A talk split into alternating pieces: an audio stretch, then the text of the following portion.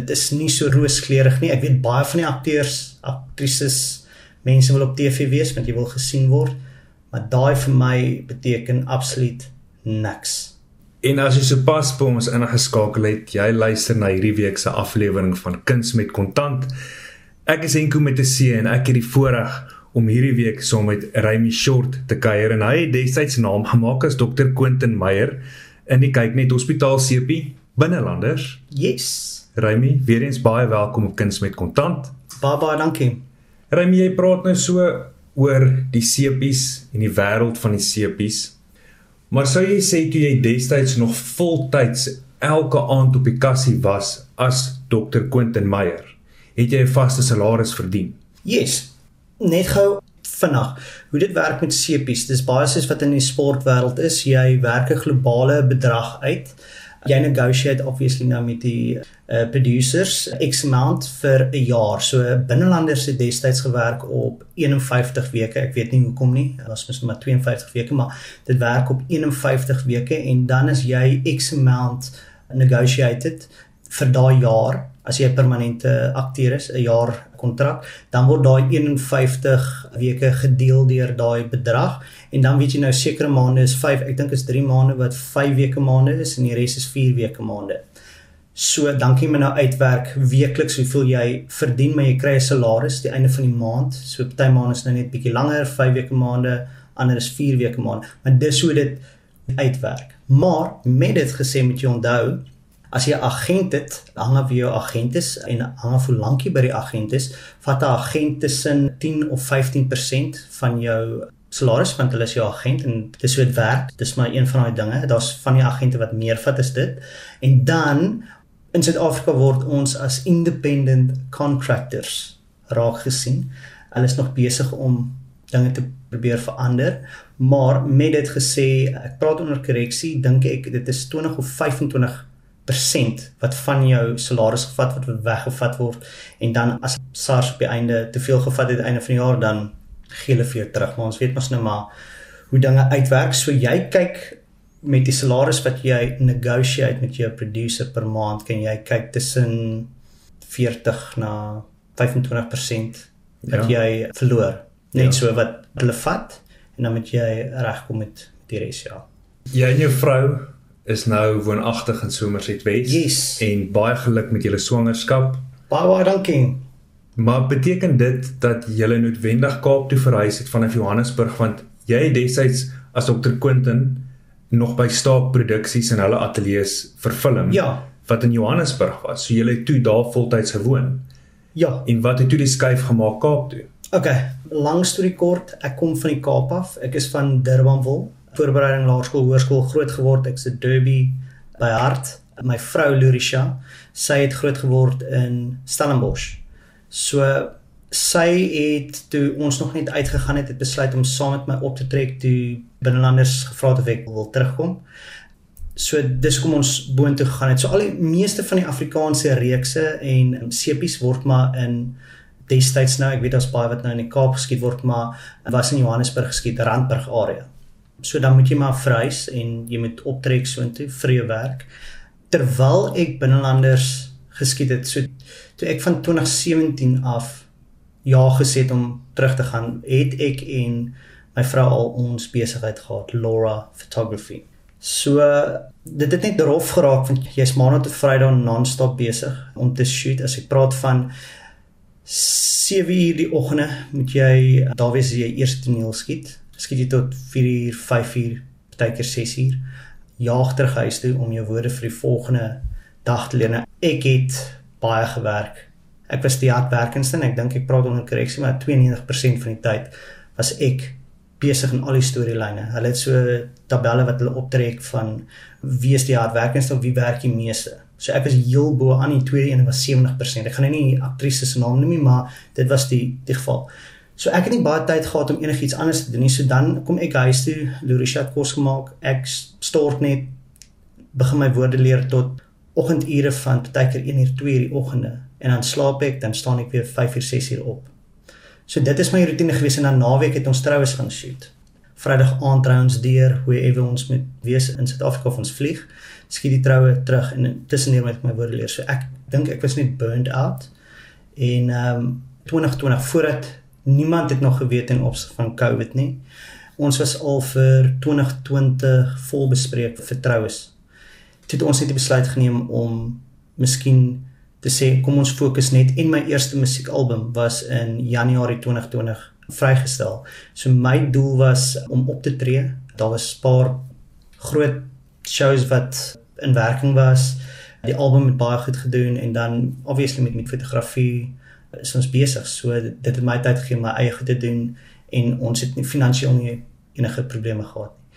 En dis hoekom ek bedank het toe by Binnelanders Desember 2019 en teruggetrek het hierdie kant toe. Ons is van die Kaap af en ja, het net sin gemaak om terug te kom Kaap. En julle is nou al so te sê 8 maande getroud. Daar's 'n klein ding op pad wat sy opwagting in Desember gaan maak. yes. het julle gespaar vir 'n troue? Lank vooruit gespaar of het julle 'n klein intieme troue gehad? Vertel vir my hoe julle begroot het vir hierdie huishouding wat julle 8 maande as 'n entiteit saam begin het en wat nou gaan uitbrei in Desember. Ja, ek dink 'n mens raak baie vinnig groot in daai opsig as jy eie besigheid probeer doen, veral as jy dit saam doen. So ons het maar gespaar waar ons kon spaar en ons kon nie alles bekostig nie. So ons het bygedra. Gelukkig Lorisha se pa het 'n groot deel daarvan betaal wat ons baie dankbaar vir is. En ja, ten opsigte van die klein ding, meeste mense weet dis 'n seentjie, so is ons eersteling en ehm um, ons sien baie uit ten opsigte van dit. Het jy onlangs 'n voetoperasie jou enigstens kom ons sê dit nou maar gepoetjie in enige opsig in terme van jou werk? Want jy is 'n sanger, jy's 'n akteur, jy's 'n fotograaf en ek wil nou-nou graag weer yes. uitkom by jou sangloopbaan. Maar het dit op enige manier 'n impak gehad op julle huishoudelike inkomste stroom die feit dat jy vir so 'n groot operasie moes gaan? Ja, definitief.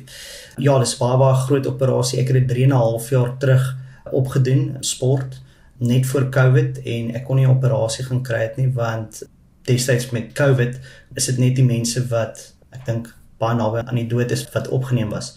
So die ander mense moes maar wag. So ja, die operasie wat ek gehad het was 'n voetoperasie. Ek het my plantar plate en ander ligamente heeltemal van my linkervoet af afgeskeur.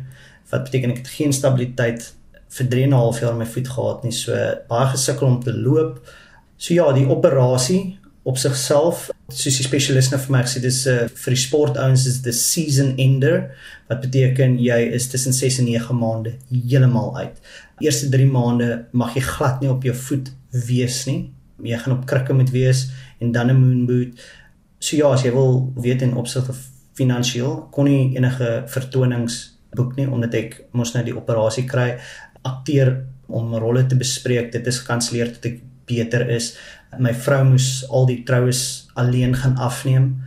So ja, dit is dit het definitief 'n impak gehad, maar ek gaan vir jou sê dit is ek is baie bly ek het dit gekry want net om te weet jy kan normaal weer loop en daar stabiliteit in jou een voet.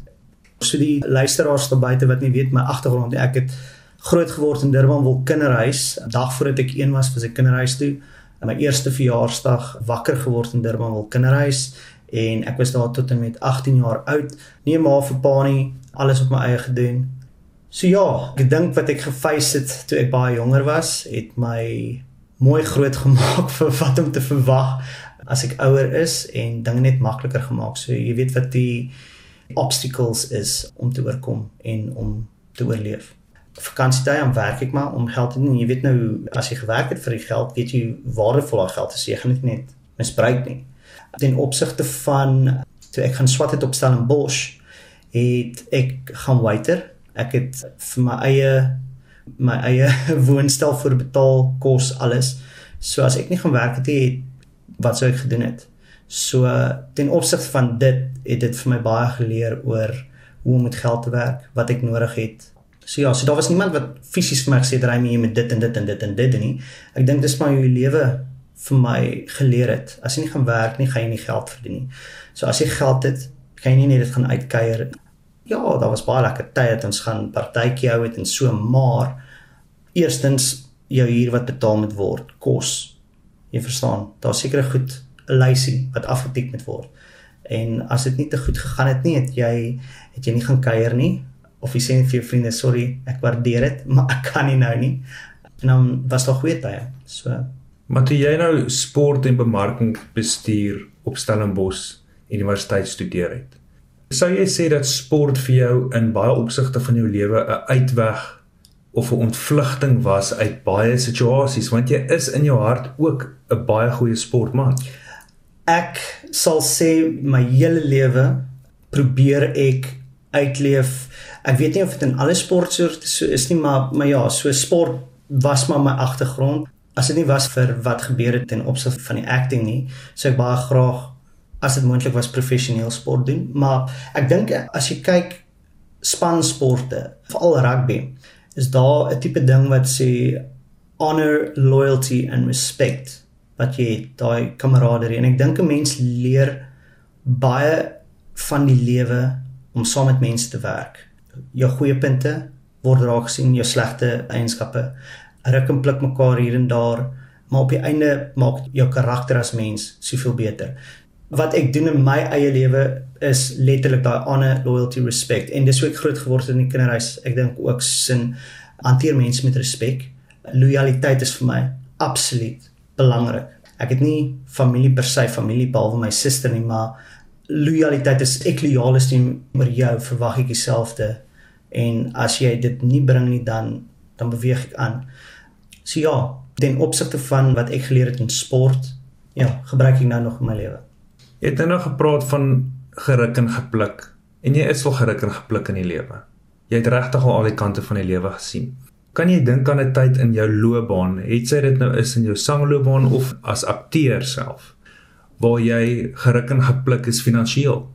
Buiten, jy het vroeër met ons gedeel oor die uitgawes wat aangegaan word om 'n musiekalbum te vervaardig. Ja, Maar was daar 'n insident waar jy in 'n slaggat getrap het en 'n klomp geld verloor het? ek kan aan 'n paar dink, maar ek dink nie ek wil te veel daaroor ingaan nie. Maar eerstens net aan almal daar buite wat miskien belangstel om 'n musikant te word, boodskap wat ek wil gee of 'n akteur, aktrise. Toe ek jonger was het ek gesê al wat ek gaan doen is ek gaan 'n akteur wees. Daar's nie 'n manier dat ek enige iets anders gaan doen nou dat ek 'n akteur is nie daar's nie 'n manier wat ek enigiets anders kan doen nie. This is what I'm going to do. En toe musiek gekom het, dis wat ek wil doen. En met my hele hart, dit is dit is wat ek wil doen. Maar vir mense daar buite, die knocks wat ek al gevat het ten opsigte van dis 'n baie duur professie om in te wees. Ek praat nou van 'n akteur of as jy 'n sanger is of of iets as jy sanger is en jy betaal alles op jou eie om die geld terug te maak. So ek, ek moet vir jou eerlik sê daar's baie van die sangers daar buite wat Suid-Afrikaners ken, Afrikaners ken as die eilisters wat finansiëel niks geld het nie. Hulle is soos in bankrot. Hulle wil nie announce nie, hulle wil nie sê nie, maar hulle het nie meer geld nie, hulle kan nie meer optree nie, hulle het nie geld om nuwe musiek op te neem nie. So my boodskap as iemand wat 'n bietjie ouer is wat ek vir myself kon gesê het as ek nou sê die die jonger Remy is wat ek nou sou geleer het is probeer 'n plan B. Wees bewus oor wêreldpatrone. Ek sê hoe om jouself te bemark. Tye het baie verander die afgelope 5 jaar. Hoe 'n mens daai tipe goed doen net om nuwe werk te genereer is belangrik. Maar wat jy ook vir my sê, is wat elke vorige gas op kuns en kontant al vir ons gesê het en dit is die blote feit dat jy of op die kassie werk of op die voorblaai van tydskrifte pronk, beteken nie dat jy nie soos Jan Alleman aan die einde van die maand ook finansiële bekommernisse en finansiële rekeninge het om te betaal nie. Dit is die grootste mite wat daar bestaan, is dat mense dink as jy op die voorblaaie is of uh, op TV is dat jy ongelooflik goed doen finansiëel. Ja, daar is sangers en ja, daar is akteurs wat regtig goed doen, maar ek dink die deursnee akteurs of sangers maak dit nie sukkel verskriklik moeilik. Om eerlik te sê, daar's 'n punt wat ek al gesê het, luister, huisgenoot kontak jou, Sari kontak jou. Ek wil nie eers met daai tipe goed doen nie om 'n rede mense hierdie hele wanpersepsie het van hoe kan dit so moeilik gaan met julle? Julle is hier op TV, jy's in die tydskrifte, jy's dit. Hoe kan dit regtig so moeilik gaan? Julle te wanpersepsie met die regte as ek sê regte normale Afrikaanse mense daar buite gaan. Ons is doodnormale mense soos enige iemand anders.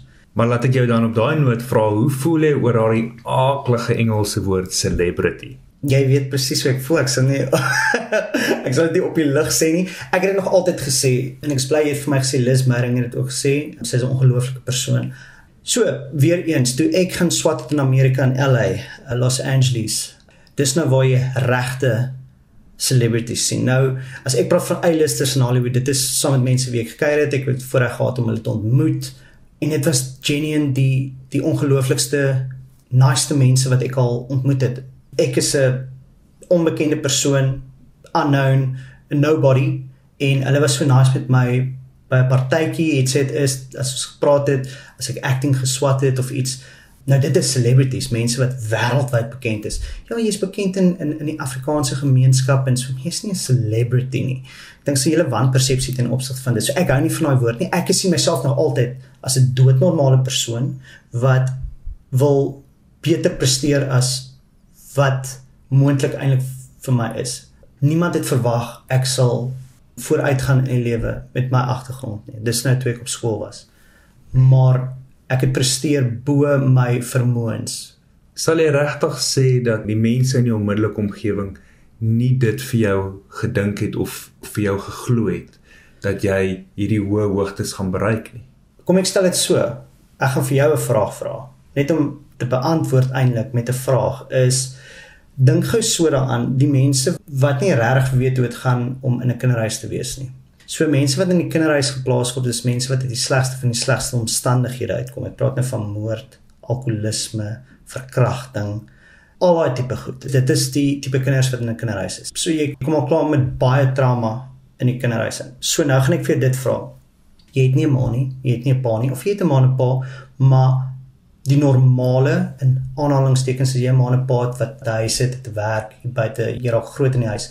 So nou, eerstens hulle kan skoolfonds betaal. As jy 'n fiets nodig het om skool toe te gaan, is daar 'n fiets wat hulle kan koop vir jou om so intoe te gaan. Hulle kan vir jou sport betaal, hulle kan vir jou bydra as jy miskien hoër vlakke wil betree ten opsigte van sport. Jy het ekstra klasse nodig so daarvoor kan betaal word. Nou is jy op universiteit of eerstens jy kwalifiseer om te gaan studeer by universiteit of college. Hulle het die fonds om te betaal. As jy dit nie goed genoeg doen nie, daar is nie fonds nie, sal jy dit nie kan doen nie. So dan vra ek vir jou die vraag. Nou sê mense ja, maar kan ek nie net 'n werk kry nie? OK. Ja, jy kan 'n werk kry, maar hoe gaan jy daar kom?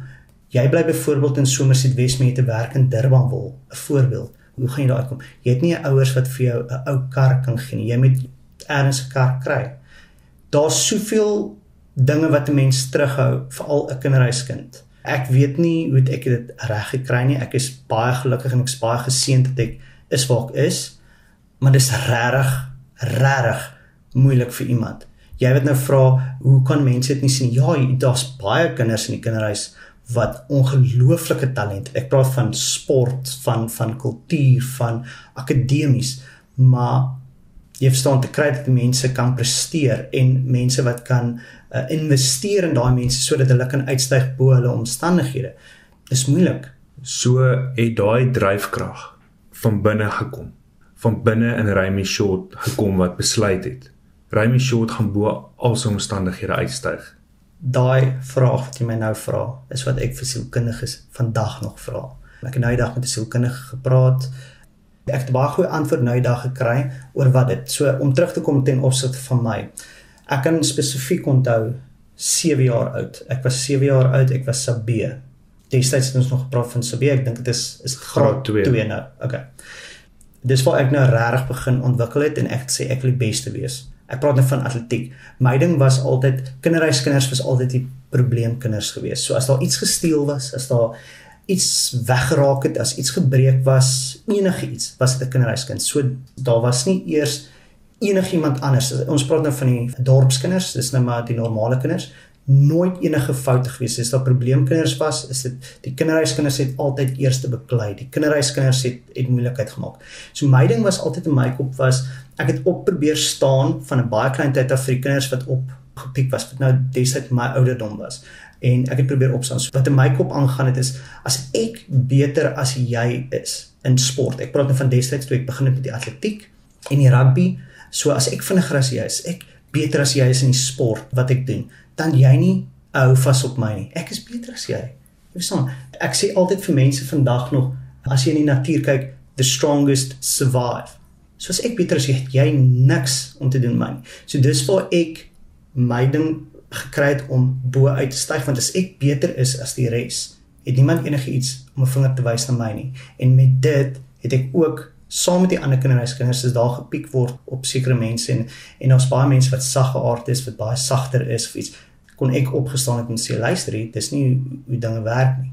Nou om terug te kom na die sielkundige, hulle het nou nog studies wat hulle doen wat hulle sê identiese tweelinge wat hulle vat om te kyk die een funksioneer so en die ander een funksioneer so.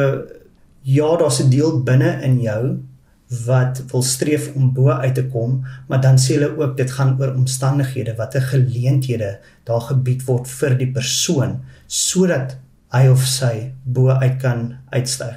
Want my vraag was altyd, hoekom is ek so maar die ander kinderhuiskinders wat daar hoekom verval hulle en hulle het nie 'n uh, doelwitte nie. Hulle verval net en hulle kan my nie 'n antwoord gee nie. My ding is in my hart, ek het gesê ek was 10, 11 jaar oud, Afrikaanse mondeling wat ons nog gehad het. Iemand het my destyds nog 'n boodskap gestuur wat saam op skool gesê, ek onthou nog jy het dit gesê op met ding al die hele klas het gelag. Ek het opstaan, ons was 30 kinders, ons dermal laerskool. Ons het gesê wat gaan jy eendag word in jou lewe? En ek het opgestaan nog en ek het gesê ek gaan eendag 'n akteur wees, ek gaan in Hollywood wees. Wat my opval van jou is dat ten spyte van die omstandighede wat jy as kind deur moes maak, is jou hart nie verhard nie. Inteendeel, jy is 'n baie liefdevolle persoon en die liefde en die omgee straal uit jou uit. Ek weet ook nie van iemand wat nie van jou hou nie. maar ja, dankie ek waardeer. Maar jou hart, jy het 'n sagte hart. Dankie. En 'n ou se hart is geneig om te verhard as jy uit harde omstandighede kom. Ek waardeer dit. Dit is regtig 'n mooi boodskap van jou. Ek ek bedoel dit met alle respek. Kom ons praat van die drama wêreld ek is 'n akteur, maar my mentaliteit is die van 'n sportpersoon wat ek eendag gesê het honor loyalty respect. So dit is dis wie ek as mens is.